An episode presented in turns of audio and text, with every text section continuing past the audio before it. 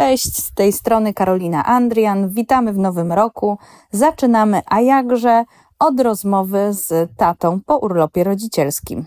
Moim gościem jest Krzysztof, finansista, który policzył sobie, że na urlopie opłaca się być. Był nie tylko na dziewięciu tygodniach, tych, których nie możesz transferować do swojej partnerki, do mamy dziecka, ale również też na pozostałych tygodniach urlopu rodzicielskiego, bo przecież możecie się podzielić urlopem rodzicielskim po prostu pół na pół. Posłuchajcie rozmowy, co o urlopie rodzicielskim myśli Krzysiek, jakie ma lifehacki na tatusiowanie i dlaczego warto korzystać z urlopu rodzicielskiego oraz dlaczego nie rozumie, że inni ojcowie podejmują zupełnie inną decyzję niż on. Zapraszam serdecznie. Podcast Team Rodzina. Rozmowy o partnerstwie. Czym jest partnerstwo między kobietą a mężczyzną, kiedy na świecie pojawia się dziecko? Jak zadbać o relacje między rodzicami? Dlaczego warto dzielić się urlopami rodzicielskimi i jak budować bezpieczną więź z dzieckiem? Jak przy tym wszystkim realizować się w innych, ważnych dla nas sferach życia? Na podcast zaprasza Fundacja Sherdecker. No to cześć, Krzysiek. Witam Cię w podcaście. Cześć Karolina, bardzo mi miło. Cieszę się, że jest Ci miło. No to zaczynamy w ogóle, jakbyś mógł powiedzieć, jesteś tatą, to, to wiemy już e, z intro. Jesteś tatą Jerzyka czy Stasia, to zaraz nam powiesz. I za chwilę przejdziemy do Twojej historii dochodzenia do urlopu rodzicielskiego. Ale najpierw kilka słów o Tobie. Kim Ty jesteś? Jasne. Jak już powiedziałaś, nazywam się Krzysiek, jestem z Warszawy, mam 30 6 lat już niestety, mhm. E, to zawsze trzeba policzyć w głowie, e, bo od któregoś momentu się traci tą naturalną świadomość, e, świadomość wieku. Jestem tatą Stasia, na którego mówimy częściej Jerzyk, ze względu na dosyć oryginalną fryzurę, z którą się urodził i z którą wychodził ze szpitala. Jestem tatą od 11 miesięcy i od 5 miesięcy jestem na urlopie rodzicielskim. Jeśli chodzi o mnie, to Pracuję w doradztwie strategicznym w jednej z dużych firm konsultingowych, a przedtem całość mojej drogi zawodowej wiązała się z bankowością, z finansami, więc klasyczne duże korpo. Mhm. No i finanse, czyli liczysz wszystko. To może zacznijmy od tego, co policzyłeś odnośnie urlopu rodzicielskiego. Co ci wyszło w rachunkach? To przyznam tak, że jeśli chodzi o urlop rodzicielski, udało nam się nie podchodzić do tego z perspektywy liczenia. Na szczęście jesteśmy w na tyle komfortowej sytuacji, że nie musieliśmy analizować, czy mhm. 80% e, czy 70% pensji mojej, czy, czy, czy żony, tylko podeszliśmy do tego absolutnie od strony emocjonalnej, takiej rodzinnej, czyli wiedzieliśmy, że chcemy się dzielić po połowie i to był punkt wyjściowy. Natomiast to, co trzeba było policzyć, no to oczywiście trzeba było zaplanować cały układ, kiedy się zaczyna macierzyński, na jakim mhm. procencie ten macierzyński powinien wystartować, mhm. żeby faktycznie całość była na 80%. Tam jest troszeczkę jak zapewne bardzo dobrze wiesz, takiej logistyki ze składaniem wniosków w odpowiednich terminach, żeby wszystko kliknęło w sposób optymalny. Mhm. Też w ramach eksperymentu, bo byłem chyba na samym początku po wejściu tej dyrektywy, ojcem zostawałem w okresie przejściowym, więc nie było oczywiste, jak się korzysta z tych dodatkowych miesięcy mhm. wynikających y, z dyrektywy, ale to też udało się z pomocą kadr u nas w firmie załatwić. Okej, okay, no to jakbyś powiedział właśnie, jak wygląda wasz, bo ty powiedziałeś, na szczęście się udało i optymalny wariant, bo wielu ojców słucha tych podcastów. Ja dzisiaj odpowiadałam między innymi na jakieś pytanie z maila odnośnie logistyki wnioskowej i ktoś się powoływał na, na te podcasty, słuchał i chciał się upewnić, czy dobrze z, zrobił, czy nie. Jakbyś powiedział właśnie, skończmy z tą logistyką, bo ona jest taka hmm, najtrudniejsza, ale jednak ważna dla wielu słuchaczy. Jak to u Was wyglądało? Ty byłeś w okresie przejściowym. Co to oznaczało dla Was? Znaczy, okres przejściowy polegał na tym, że dziecko urodziło się przed wejściem w życie dyrektywy i mhm. to się rozpoczęło przed. Natomiast udzielanie mi urlopu było już po wejściu w życie dyrektywy. Mhm. Mhm. jeden z elementów, który tutaj troszeczkę nas uratował, to jest to, że przed wejściem w życie dyrektywy na wykorzystanie tych dwóch tygodni urlopu ojcowskiego były dwa lata, a po wejściu jest już tylko rok. Natomiast ponieważ ja byłem z okresu przejściowego, jest tam przepis, który mówi, że mam na to dwa lata i bardzo dobrze, bo ja te dwa tygodnie ojcowskiego, no to będę płatny 100%, więc głupio stracić. Będę odbierał po zakończeniu przez Stasia roku, czyli tak naprawdę od 11 grudnia. Tak nam wyszło z tej logiki i już tłumaczę, z czego ta logika wynikała. Mhm. Podzieliliśmy się z żoną urlopem rodzicielskim po połowie, Mhm. ale żeby móc się podzielić po połowie i żeby ta druga połowa przypadająca na ojca była płatna 80%, a nie 60%, to cały urlop musi być e, wzięty w jednym nieprzerwanym ciągu. Mhm. Bo to są, dodajmy, stare przepisy, byliście na starych przepisach. Teraz jest, jest trochę inaczej, ale okej. Tak jest, ale Mhm. trzeba, no to musiało być wzięte w jednym ciągu, więc nie można było zrobić takiej przerwy, żebym ja poszedł na ojcowski, a potem wziął drugą połowę e, urlopu żony. A nie wykorzystywałem też tych dwóch tygodni na samym początku, bo na samym początku byłem na zwolnieniu lekarskim ze względu z e, niezdolnością tam żony do e, opieki po, po porodzie i po nieplanowanej cesarce, więc przez pierwsze tam kilka tygodni robiłem za pielęgniarkę w domu. Mhm. I ten ojcowski po prostu wypadł na koniec tego cyklu u mnie, e, bo, ta, bo nie wiedzieliśmy, że wcześniej to trzeba troszeczkę inaczej zaplanować. Praktycznie rzecz biorąc, mogliśmy to pewnie wcześniej rozwiązać inaczej, natomiast u mnie wypadł na koniec, czyli po odbiorze całości rodzicielskiego przeze mnie. Mam jeszcze dwa tygodnie pod koniec grudnia, tak żeby rok Czyli wracasz do pracy od stycznia?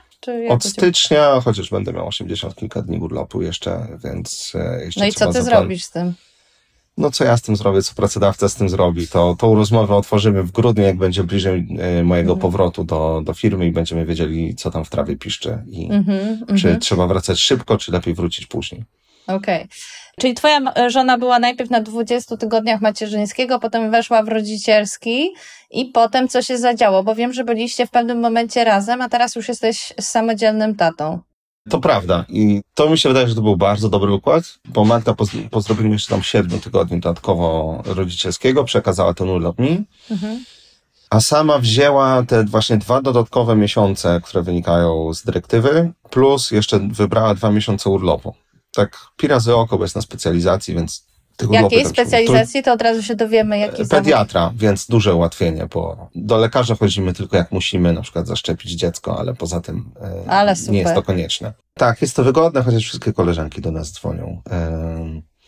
No i teraz zaczną dzieci. ojcowie. Zaraz podam numer telefonu, podamy i będzie.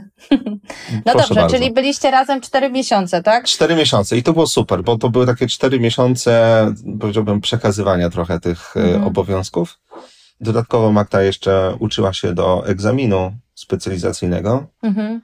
I uczyła się coraz intensywniej, im bardziej te cztery miesiące upływały, bo zdawała go w październiku. Chyba tak, chyba to był październik. Tak, tak, na pewno nawet. Mhm. Więc, więc mieliśmy takie cztery miesiące, po pierwsze dosyć płynnego przekazywania tych obowiązków. Pod koniec tego okresu ja już w zasadzie sam byłem ze Stasiem, żeby żona miała wolny cały dzień, e, tam od rana do powiedzmy 18, e, kiedy, kiedy dziecko się usypia. No a Mhm. na początku tego okresu to z kolei ja się rozkręcałem w tych całych obowiązkach. To było bardzo fajne. I również super było to, że spędzaliśmy czas razem i mogliśmy pojechać czy to w góry, czy nad morze, czy posiedzieć u znajomych na działce. Mhm. I też obserwując Stasia, widać, że on najbardziej lubi te dni i te momenty, kiedy siedzimy sobie we trójkę i on czuje, że jest e, cała rodzina obok. Mhm. Dodam, że, że, że jest też całe stado, bo mamy bardzo miłą piesek, Mhm. półtora rocznego owczarka szetlandzkiego, Mhm. e, która dołączyła do nas trzy miesiące zanim się urodziło dziecko. To było trochę szalone, ale był to ostatni dzwonek, żeby zdążyć pieska opanować. Więc jak jesteśmy we czwórkę, to Staś jest absolutnie najszczęśliwszy, więc mi się Mhm. wydaje, że te miesiące, kiedy jedyną rzeczą na głowie to było faktycznie przebywanie razem, Mhm. no to było absolutnie super. Więc e, jeżeli ktoś miałby możliwość takiego ułożenia sobie czasu, żeby faktycznie równolegle korzystać z wolnego, Mhm. szczególnie w tym późniejszym okresie, kiedy dziecko jest trochę bardziej kontaktowe niż e, gorący kartofelek owinięty w folię, którego trzeba karmić i odkładać Mhm. do łóżeczka, no to jest to fantastyczne doświadczenie. Czyli polecasz. A powiedz w takim razie, no to jak Staś, tudzież Jerzyk, z, zniósł ten, ten okres, kiedy ty już zostałeś sam z nim i, i z psem. Rozumiem, we dwójkę zostaliście z maluchem. Bardzo dobrze. Są cały czas pewne wymiary, w których mama jest oczywiście niezbędna. Czyli? Karmienie piersią i wyprzytulanie Stasia, no to to są takie elementy, które on bardzo Mhm. lubi. Do mnie się przytula sporadycznie, tak bym to Mhm. nazwał, chociaż przychodzi i on ma swój sposób okazywania czułości.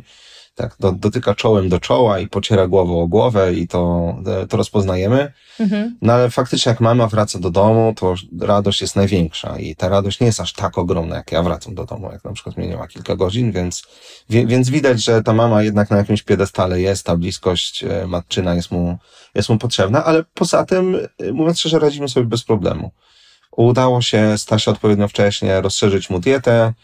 Mieliśmy tam w okolicach piątego miesiąca problem z wdrażaniem butelki, który też udało się przewalczyć, więc jak mama nakarmi Stasia rano, to potem do tego popołudnia, kiedy wraca z pracy, bez problemu radzimy sobie z pokarmem stałym, z butelką. Staś w ogóle jest dosyć aktywny w towarzystwie ze mną, dosyć niezależny, mhm. Y, czyli lubi sobie sam eksplorować mieszkanie, bawić się sam zabawkami. Mhm. Więc to wszystko tak te, te, przebiega w takie dosyć na spokojnie. Pogodnej atmosferze, tak, raczej pogodnej. No, brzmi to bardzo tak fajnie, bezproblemowo. Czy były jakieś wyzwania dla ciebie? Rozumiem, że ten okres wspólny dużo dał ci takiego, takiej rozbiegówki, ale jak zostałeś sam, to czy pojawiały się takie rzeczy, no na przykład karmienie piersią oczywiście jest pierwszym argumentem, dwa, że dziecko bardzo tęskni za mamą, kolejny argument, który się pojawia. Jak to u ciebie wyglądało? Jak odpowiedzieć na te dwa argumenty i czy mamy coś więcej? Po pierwsze, myślę, że właśnie ten okres przejściowy super zadziałał, bo jak pamiętam pierwszy miesiąc, czyli tam w czerwcu, jak pojechaliśmy nad morze, to faktycznie tam Staś bardzo często się domagał e, kontaktu z mamą i wtedy jeszcze absolutnie nie było mowy o tym, żebym ja go uśpił. Mhm. Inaczej niż e, wychodząc z wózkiem na spacer, czyli jeżeli lał deszcz, to uśpienie mhm. go na drzemkę w domu to raczej była mama. Tak samo wieczorem. To absolutnie bojkotował, mhm. odrzucał. Mhm.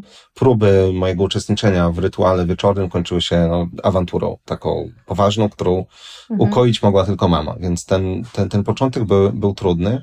Natomiast ponieważ my mieliśmy ten okres e, taki rozbiegowy, to weszliśmy w to bardzo płynnie, więc to, to bym pochwalił. Jeśli chodzi o karmienie piersią, to bym powiedział tak. I tak od szóstego miesiąca trzeba dziecku rozszerzać dietę, a przynajmniej nie trzeba, tylko z tego co wiem, no WHO rekomenduje, że do szóstego miesiąca absolutnie wyłączne karmienie piersią, potem wprowadzanie pokarmów rozszerzających.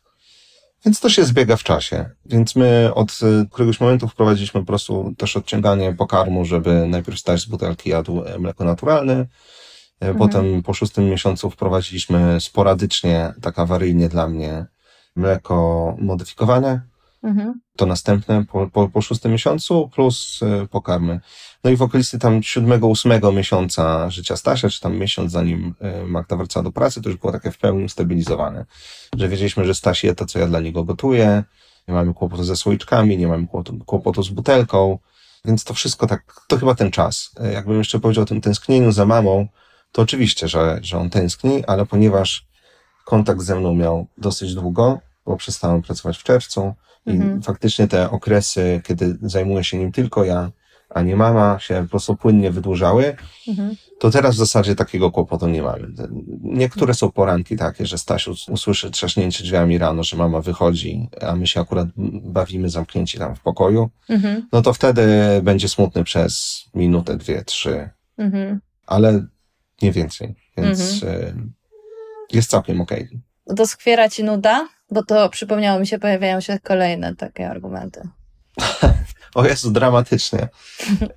W ogóle najgorsze w tym całym procesie jest to, że traci się w pełni kontrolę nad własnym życiem. To jest chyba pierwsze, mhm. o czym możemy potem jeszcze porozmawiać, ale również muszę powiedzieć, że ta opieka nad dzieckiem to nie zawsze jest wyzwanie intelektualne, tak bym to nazwał. Mhm. I trzeba wstać o tej 6.30 czy o 7.00, o której Staś się budzi, a mama się szykuje do pracy.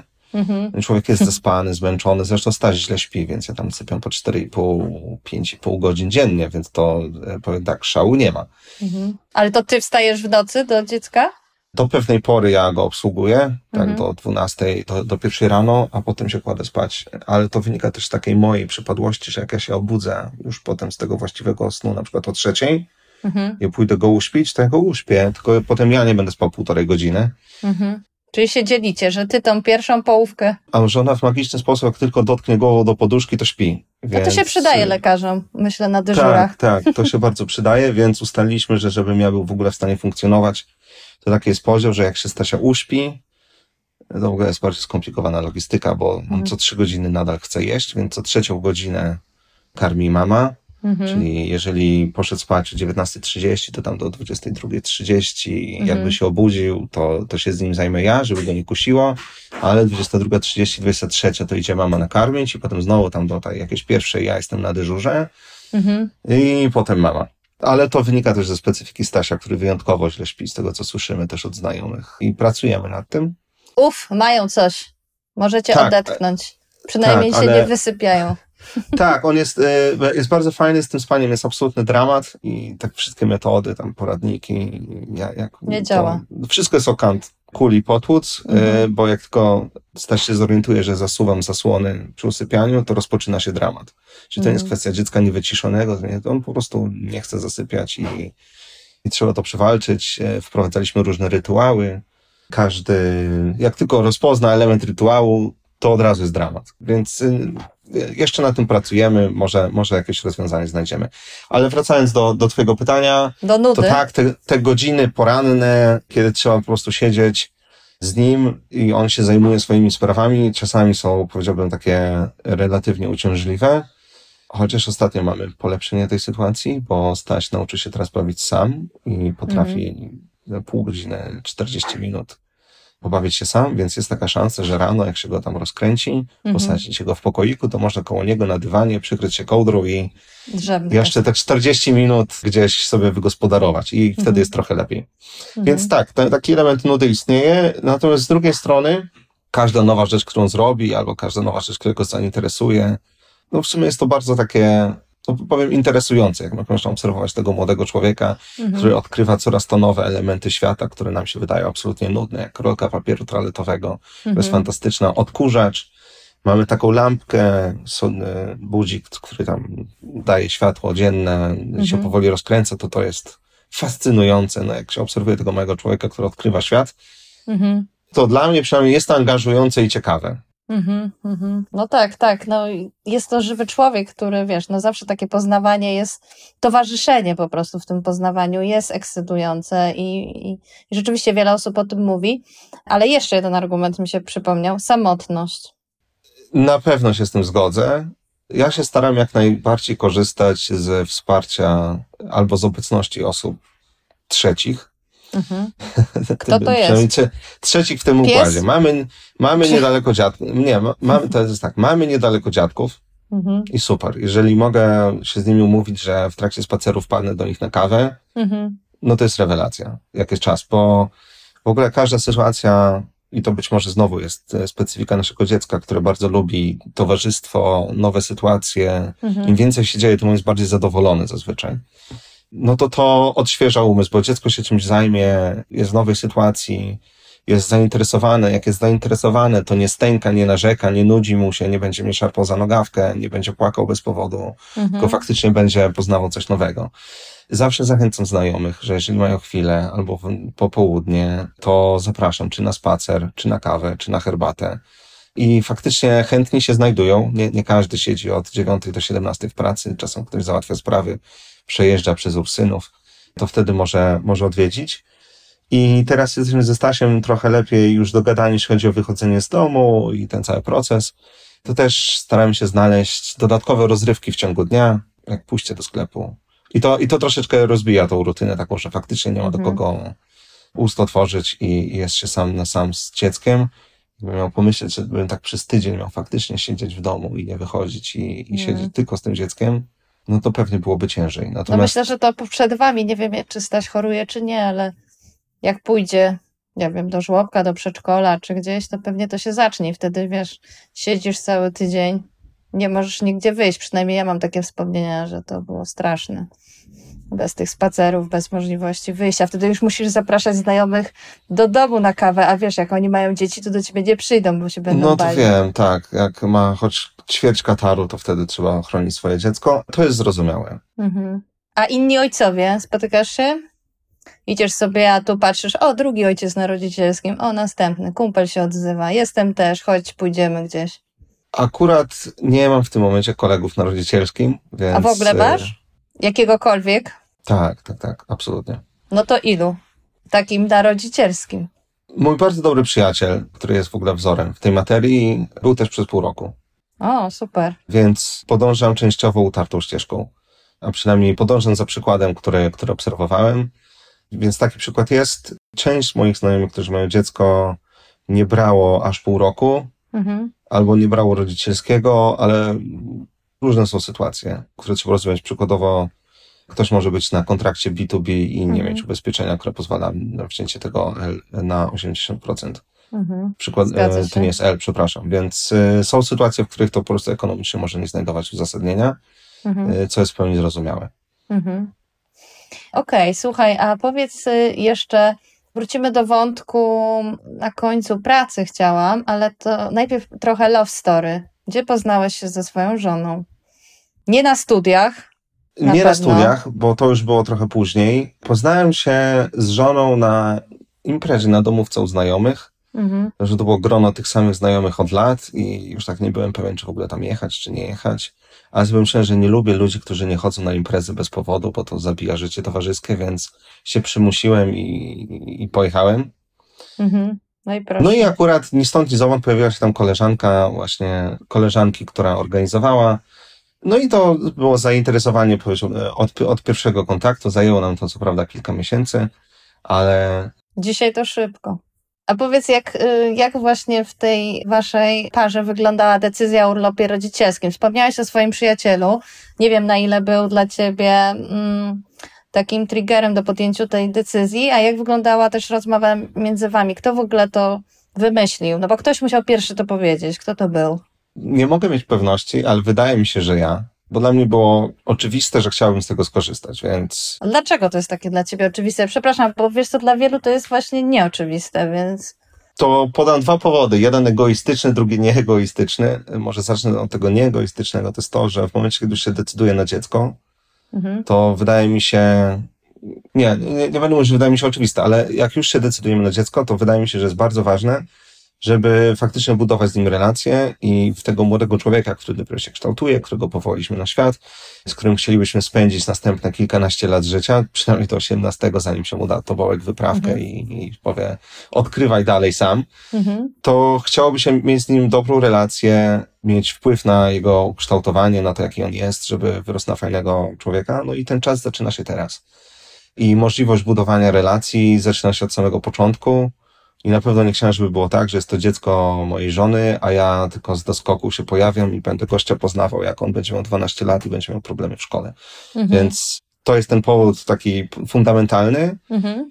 ale też logistycznie, jak się dużo pracuje i ma się możliwość nie pracować, odbierając 80% y, uposażenia, a jednocześnie poświęcić pół roku na budowanie relacji z rodziną, też trochę na siebie, bo ten czas można znaleźć. Mhm. Y, I ogólnie na taką inwestycję w rodzinę i w bliskość, to wydawało mi się to absolutnie fantastyczne. Mhm. Może to też jest specyfika takiej pracy, powiedziałbym, w konsultingu, w doradztwie, której często jest więcej niż 8 godzin na dobę. Ile? Zapytam. No, bywa bardzo ciężko, o, ta, tak powiem. Zdarzało się, że nie, y, że sypiałem mniej niż teraz, o. Ale to zależy od projektu, zależy od sytuacji, więc y, to jest płynnie, no ale 12 godzin dziennie to, to się zdarza. To jest. Mhm. Zdarza się też więcej, zdarza się mniej. To w tym kontekście przebywanie z dzieckiem nie wydawało się być rzeczą straszną, a wręcz taką, że to jest taki czas na odetchnięcie, na przebudowanie Mhm. sobie trochę priorytetów życiowych. Może dodam tylko dla ciebie, żebyś nie czuł, że to jest takie egoistyczne. Jak pytaliśmy w badaniach kobiety, dlaczego nie podzieliłaś się urlopem rodzicielskim, bo przecież to też to jest jednak dwuosobowa decyzja, to oczywiście pierwsze to jest kwestia finansów, tak, że jednak nie było naszej rodziny stać, to jest forma zatrudnienia, o której wspomniałeś, ale pojawia się tam, chciałam odpocząć od pracy. Pojawia się, to ja mogę w ramach anegdotki od siebie powiedzieć, że mają też znajomych, którzy dopiero planują urlopy rodzicielskie. Mhm, i w rozmowach na ten temat nie pojawia się, czy facet chce, tylko mhm, raczej się pojawia, a ile ja mu oddam.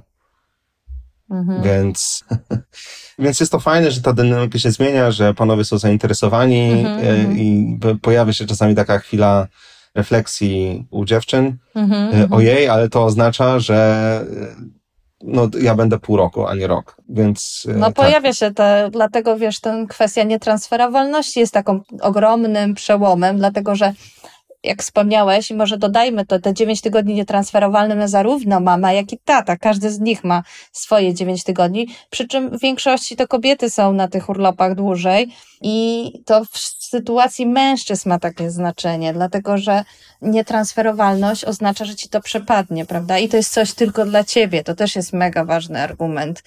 Tak, to chyba komentatorzy już od samego początku tego rozszerzenia urlopu Mhm. rodzicielskiego w Polsce i ja się z nimi z całego serca zgadzałem, podnosili, że urlop rodzicielski dla ojców zadziała dopiero w momencie, kiedy Mhm. będzie nieoddawalna część, że to nie będzie, że ojciec bierze coś, co jest dla matki, tylko przysługuje ci dwa, trzy, cztery, teraz Mhm. wyszło, że dwa. Dwa miesiące tobie przysługują, Mhm. I to nie jest dla matki, to jest dla ciebie. I możesz skorzystać albo nie skorzystać. I podobno statystyki są coraz lepsze. Słyszałem, że są coraz lepsze, że, że jest już nas 20 tysięcy chyba Tak, tak, rocznie. tak, to myślę. A jeszcze dwa lata temu było nas 4 tysiące rocznie ojców, którzy korzystają z rodzicielskiego, więc no ewidentnie dyrektywa coś poprawiła. poprawiła, nie ma zmiłuj się, to prawda.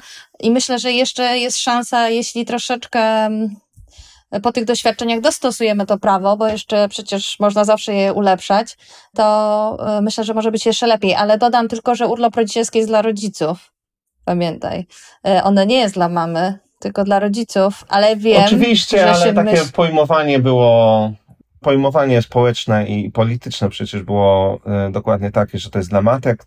Pamiętam, że jak była procedowana ta ustawa, to właśnie było mówione, że żeby teraz matki mogły z dziećmi rok spędzić czasu.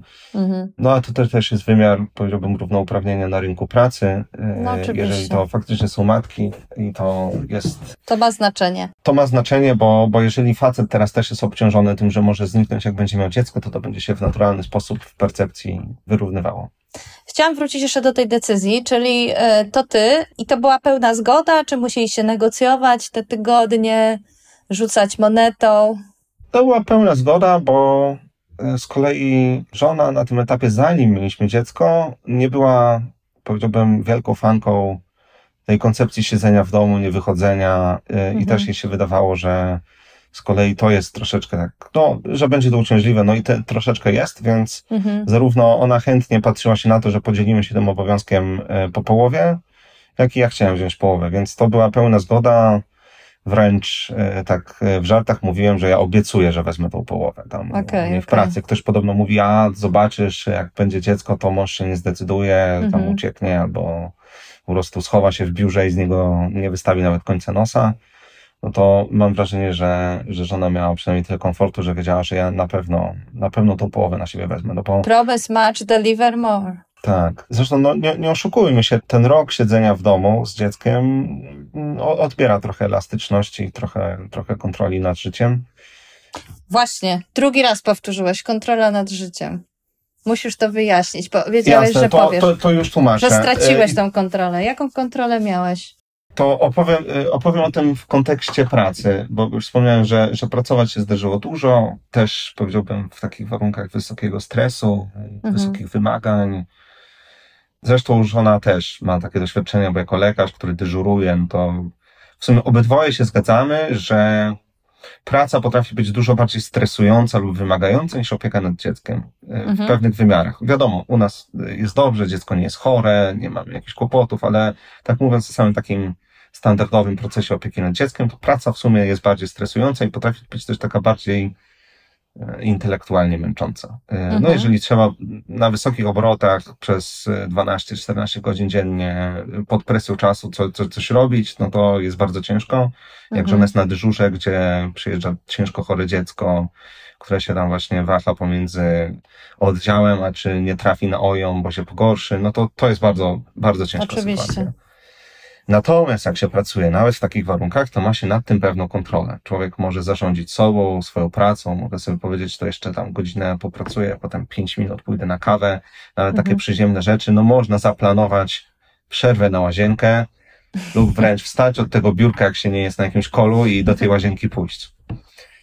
No i teraz ta opieka nad dzieckiem, mimo że być może trochę mniej taka intensywna i Mhm. ciężka, charakteryzuje się tym, przynajmniej dla mnie, to, to, to jest największy element, że się traci tą kontrolę nad sobą, bo zostaje się osobą odpowiedzialną za tego drugiego małego człowieczka, Mhm. który ma swoje potrzeby, ma swoje humory, czasami jest absolutnie nieprzewidywalny Czasami się obudzi po 5 minutach, czasami po 10, czasami po 40, czasami będzie już chciał spać, a może będzie głodny, a może zrobi właśnie kupę, a może zrobi trzy kupy z rzędu. i Takich szefów trzy... nie ma pracy zawodowej. No i faktycznie czasami ciężko jest znaleźć e, czas na to, żeby wziąć prysznic rano, Mhm. albo żeby skorzystać z łazienki wtedy, kiedy się ma na to ochotę, żeby wypić kawę. Mhm. E, Tylko się funkcjonuje pod dyktando tych, powiedziałbym, mało przewidywalnych. No dobra, żaden szef, którego miałem w życiu, nie był aż tak nieprzewidywalny, nawet jak byli średni. Mhm. Więc to, to jest trochę problem, z tym trzeba się pogodzić.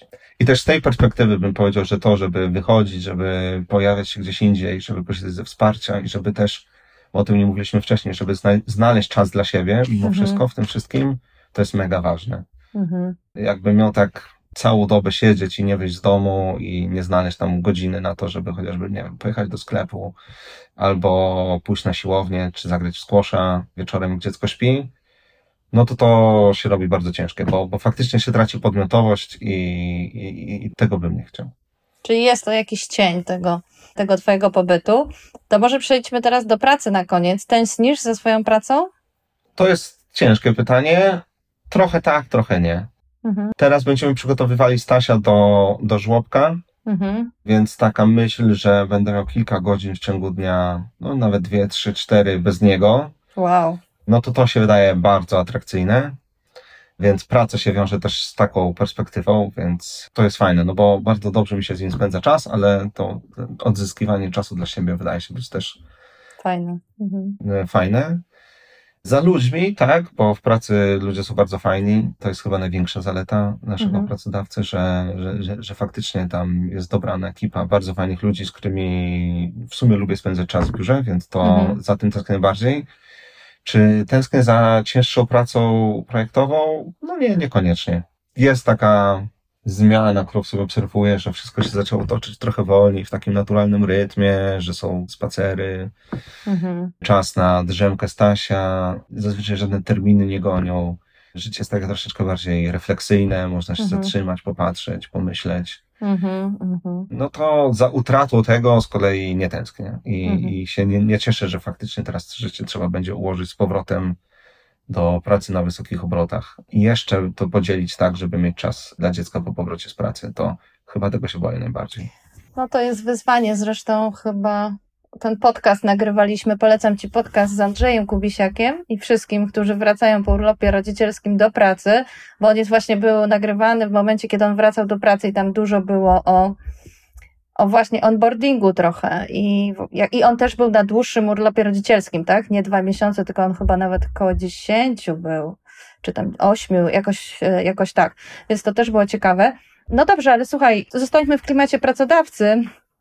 Jak on zareagował na Twoją decyzję? A szczególnie mnie interesuje, jak to było? Czy Ty przyszedłeś, powiedziałeś, słuchajcie, chcę wziąć urlop rodzicielski? Czy może na początku wysądowałeś, co Twój pracodawca o tym myśli? Typu, sprawdziłem, czy inni byli, porozmawiałem z nimi, albo jakie ma komunikaty firma, czy zachęca, czy jest jakaś komunikacja do ojców. No, jak to wyglądało? Jasne, więc to, co trzeba powiedzieć na samym początku, to jest to, że mamy dosyć niestandardową formułę pracy, tak bym powiedział, bo jako konsultanci pracujemy w formie projektowej Mhm. i tak mówiąc brzydko językiem ekonomicznym, jako konsultanci jesteśmy zasobami naszego pracodawcy, które można alokować do projektów lub nie. A Mhm. te projekty się ostatecznie sprzedaje klientom. Mhm. To znaczy, że jeżeli ktoś z nas idzie na, na dłuższy urlop z czymkolwiek związanym, to jeżeli jest to zaplanowane, to nie jest to duży problem, ponieważ nie zostawiamy ze złożonego stanowiska, nie zostawiamy ze sobą obowiązków, które musi przejąć ktoś inny, Mhm. tylko nie można nas, brutalnie mówiąc, przydzielić i skierować na, na projekt. E, Mhm. I na tym tle no muszę powiedzieć, że firma jest bardzo pozytywnie nastawiona do, do urlopów rodzicielskich i jednocześnie jest kultura w firmie tego, że ojcowie bardzo często chodzą na urlopy rodzicielskie. Mhm. To też wiąże się z tym, że często jest e, różnica zarobków, bo wiadomo, konsulting e, płaci trochę lepiej niż przykładowo budżetówka, Mhm. co oznacza, że jeżeli jest duża dysproporcja, a, te zarob, a ten budżet domowy nie jest przesadnie napięty, Mhm. to duża część ojców się w sumie na to decyduje, że za 80% robi tą e, przerwę od pracy z utrzymaniem całkiem fajnego poziomu życia i mam kolegów, którzy brali więcej niż pół roku. Mhm. Więc to w firmie jest popularne. W zasadzie każdy z ojców, których znam, brał ten rodzicielski w firmie, No więc to super. nie musiałem sądować, e, nie musiałem się pytać, Mhm. Ba, powiem dodatkowo, nie musiałem nikogo pytać o zgodę. Tylko Mhm. wiedziałem, że chcę wziąć i jak się urodziło dziecko, no to po prostu jasno powiedziałem, gdzie trzeba, że będę brał, planuję wziąć drugie pół roku i to Mhm. nie było przeze mnie ukrywane. Czyli już jak żona była w ciąży, przed porodem, to, to firma wiedziała i wspierała też e, dookoła tego procesu porodowego. Czyli nie bałeś się jakichś konsekwencji związanych z zwolnieniem Nie, nie, absolutnie i nie. rozumiem, nie boisz się powrotu pod tym względem. Nie szykujesz Nie, pod, się. tym, pod, pod względem też zupełnie. I tutaj sobie zdaję sprawę z tego, że jestem w absolutnie uprzywilejowanej pozycji, bo Mhm. jak rozumiem, wie, większość e, pracowników nie, nie ma aż tak dobrze. Natomiast tu Mhm. firma była bardzo wspierająca. No, jeden z dyrektorów zarządzających naszą firmą, jak tam się dowiedział, po prostu powiedział, to super, wykorzystaj ten czas dobrze, bo to jest bardzo ważne. Więcej Mhm. takich szans na spędzenie czasu z dzieckiem, budowaniu relacji nie będzie. No i Mhm. to jest komunikat, który, który ja dostawałem z góry, więc wątpliwości w tym wymiarze nie miałem żadnych. Mhm. Ja myślę tak sobie teraz, bo wiesz, z różnymi pracodawcami współpracujemy, że jednak ten sektor konsultingu w pewnym sensie jest sprzyjający, bo to, co ty powiedziałeś, że wiesz, alokujesz w pewnym momencie zasoby i możesz to zaplanować. Czyli nie ma takiej sytuacji, że znika, bo wiesz, podstawowy argument pracodawców, znika mi na dwa, trzy miesiące taki pracownik i ja nikogo nie zatrudnię na zastępstwo, jest problem, co zrobić, kto wykona jego pracę i tak dalej. A tutaj de facto jesteś, nie, aloko, nie alokują ciebie i są inni, e, inne osoby przydzielone. Tak sobie to trochę wyobrażam, tak na plus widzę tą sytuację, szczerze. To na pewno jest mocno na plus. Oczywiście, jak się traci specjalistę od tego i owego, to nie można pewnych projektów sprzedać, to ogranicza pewne Mhm. działania pracodawcy, ale mi się wydaje, że ta formuła pracy faktycznie bardzo pomaga. Mhm. Rozumiem, że pracują tam też kobiety specjalistki i rodzą dzieci. Tak, rodzą dzieci. No, z kobietami w konsultingu z kolei jest ta, ta kwestia, że ta praca jakoś się do niej wraca, też jest bardzo wymagająca, te godziny też są długie, Mhm. ale absolutnie. Dziewczyny też biorą e, urlopy rodzicielskie, no to to już wtedy jest kwestia podziału pomiędzy nimi a ich partnerami, więc e, Mhm. ktoś bierze pół roku, ktoś bierze cały rok, e, to Mhm. zależy jak to jest ułożone. Mhm. Firma też pomaga w powrocie do pracy. Tam kilkakrotnie się spotkałem z tym, że, że tak świadomie chroniliśmy czas i poziom zaangażowania dziewczyn, które wracały z rodzicielskiego, żeby faktycznie Mhm. Mhm. nie przygnieść nikogo e, tą ilością pracy, która, która czasami potrafi się pojawić, bo wiadomo, że z dzieckiem też trzeba spędzać, spędzać czas. Mhm. No fajnie. W takim razie ja Ci życzę miłego powrotu do pracy. e, Takiego, no, żeby Ci się udało tą logistykę poukładać, bo jak e, cytuję Andrzeja, jeszcze raz wspomnianego Kubisiaka, dopiero logistyka się zaczyna, jak wracasz do pracy de facto, bo e, żłobki, nieżłobki, choroby i tak dalej. Ale wspomniałeś o dziadkach, mam nadzieję, że wesprą. To prawda, ta logistyka jest, jest, jest powiedziałbym, troszeczkę nawet przerażająca, jak się o niej myśli. To mogę tylko powiedzieć, że mam takie koleżanki w pracy, e, młode matki, które absolutnie podziwiam, bo poziom takiej e, zegarmistrzowskiej precyzji, które, Mhm. które osiągnęły w zarządzaniu tym całym procesem, no jest, jest dla mnie inspiracją. Mhm. Może się podzielą wskazówkami y, z Tobą. Dzięki wielkie. Ja tylko dodam na koniec, bo wspomniałeś, że 80% jest płatny urlop i niektórzy mogą zastanawiać się dlaczego. Znaczy, Ty jesteś w starym systemie, teraz urlop te 9 tygodni jest płatny 70% i jeśli się zdecydujecie, drodzy ojcowie, wziąć więcej, to wtedy dostaniecie 81,5, jeśli wasza partnerka roz- uśredni sobie zasiłek za swój urlop macierzyński i rodzicielski. Więc teraz te 9 tygodni 70%, może kiedyś będzie więcej, who knows, zobaczymy co się uda zdziałać e, w tej sprawie. Czy chciałbyś coś dodać? Może jakiś pokrzepiający odezwę do mężczyzn czy do kobiet zachęcającą, albo podzielić się jakimś swoją myślą, którą miałeś w głowie, że chcesz powiedzieć, a ja o to nie, na przykład nie zapytałam. Więc tak, to na pewno chciałem się podzielić takim podsumowaniem, że absolutnie warto, że jeżeli tylko Mhm. okoliczności i relacje rodzinne i relacje z pracodawcą na to pozwalają, to absolutnie, absolutnie warto. Mogę dodać, bo część obaw też takie słyszałem, że nie wydaje mi się to czynność w żaden sposób niemęska. O właśnie. Wręcz to, to Mhm. roztaczanie opieki nad tym małym człowiekiem, który się potem będzie przytulał i tam w ramionach u taty też się Mhm. wygodnie umości. To jest to bardzo miłe. Jest to takie pokrzepiające i, i fajnie jest być faktycznie tym opiekunem, który, który tego wsparcia, który wsparcia udziela. Co do logistyki tej takiej, powiedziałbym, biologiczno-fizjologicznej, Mhm. też nie ma w sobie nic strasznego, więc to wszystko są procesy, które jak się dobrze zaplanuje i się w tym uczestniczy od początku, to jest absolutnie do przeskoczenia i do nauki i jako ojciec nie czuję się mniej kompetentny od mamy, wręcz są rzeczy, które idą mi szybciej i lepiej, więc Mimo tego, że ona jest lekarzem, rozumiem, że nie przeszkadza ci to. Wywalczyłeś sobie swoją pozycję ekspercką w tym temacie. Mm, Tak, na początku to wymaga bardzo dużo zaangażowania. O, to jest taka myśl, której nie powiedziałem, bo ciężko jest sobie zbudować relację z dzieckiem na samym początku jako ojciec, bo dla ojca w tym procesie moim zdaniem miejsca nie ma. Dziecko chce jeść z piersi, chce się przytulać do mamy, Mhm. no i tam trzeba wyszarpywać takie małe kawałeczki interakcji, nie wiem, czy to ja go umyję, czy ja go Mhm. przewinę, czy... Mhm, mhm. Ale to autentycznie trzeba sobie wyszarpnąć, bo ani we mnie no, nie było tej burzy hormonalnej wywołanej e, porodem. Ja tak trochę z boku jak obserwator musiałem sobie mówić, to twoje dziecko, Mhm. to fajnie, że twoje i jeszcze on wolał mamę niż mnie. No to to jest taki moment, w którym rozumiesz, jak się przegapi, się tego nie wybuduje, no to faktycznie wtedy Trudno no, umarł w butach, bo pół roku później dziecko zna tylko mamy. Mhm. Ale z drugiej strony pewne kompetencje mam wywalczone. Nie chciałbym tego zwalać na, na różnicę płci, ale na pewno mamy z żoną różnicę charakterów. Ja jestem trochę bardziej dynamiczny, trochę mam większą, powiedziałbym, skłonność do ryzyka, e, Mhm. więc i ja mogę Stasia bardziej popodrzucać i mogę go bardziej pobujać i mogę się z nim bardziej powygłupiać, e, a pewne rzeczy też idą mi trochę szybciej i sprawniej, bo już taka moja natura, że nawet jak e, coś gotuję w kuchni, to muszę mieć ten proces taki ułożony bardzo efektywnie, żeby się czas nie marnował. No i są w związku z tym rzeczy, które, które nam we dwóch idą trochę lepiej niż idą z mamą. A w szczególności teraz, o to podzielę się taką anegdotką. Ostatnio byłem u znajomych, bo żona mi wypuszcza z domu czasami, e, czyli bierze na siebie ten późniejszy dyżur i, i, faktycznie pozwala, no nie, no, po- pozwala to jest źle powiedziane, ale jest bardzo wspierająca w tym, żebym znajdował też trochę czasu dla siebie. Mhm. To ostatnio żona do mnie zadzwoniła z pytaniem, a co Staś zazwyczaj je na obiad? I ja tylko zapauzowałem, tylko przy wszystkich koleżankach i kolegach, że słuchajcie, historyczny moment, niniejszym żona się mnie pyta, jak się obsługuje dziecko, dziękuję, Mhm. e, No i super. oklaski. No i oklaski, tak. Słuchajcie, no to dzięki wielkie. Jak chcecie e, doświadczyć tego momentu triumfu i chwały, której doświadczył Krzysiek, no to wszystko przed wami, wszystko w waszych rękach. Wystarczy po prostu podjąć tą decyzję i pójść w to. Krzysiek nie żałuje i wielu ojców e, nie żałuje. Tak naprawdę nie znam ojca, który by żałował. Powiedział, że to chyba, że, znaczy też nie żałował, ale są tacy, znam takich, co na przykład stracili pracę ale i tak nie żałują tej decyzji.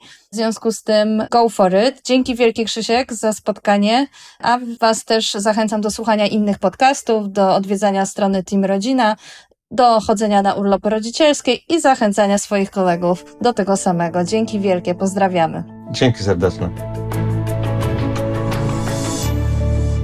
Spodobał Ci się nasz podcast? Wejdź na www.sharedecare.pl i zobacz, co jeszcze robimy, aby wspierać rodziców we wdrażaniu partnerskiego modelu rodziny. Znajdź nas na patronite.pl i wesprzyj naszą zbiórkę na organizację bezpłatnych webinarów prawnych i psychologicznych dla rodziców.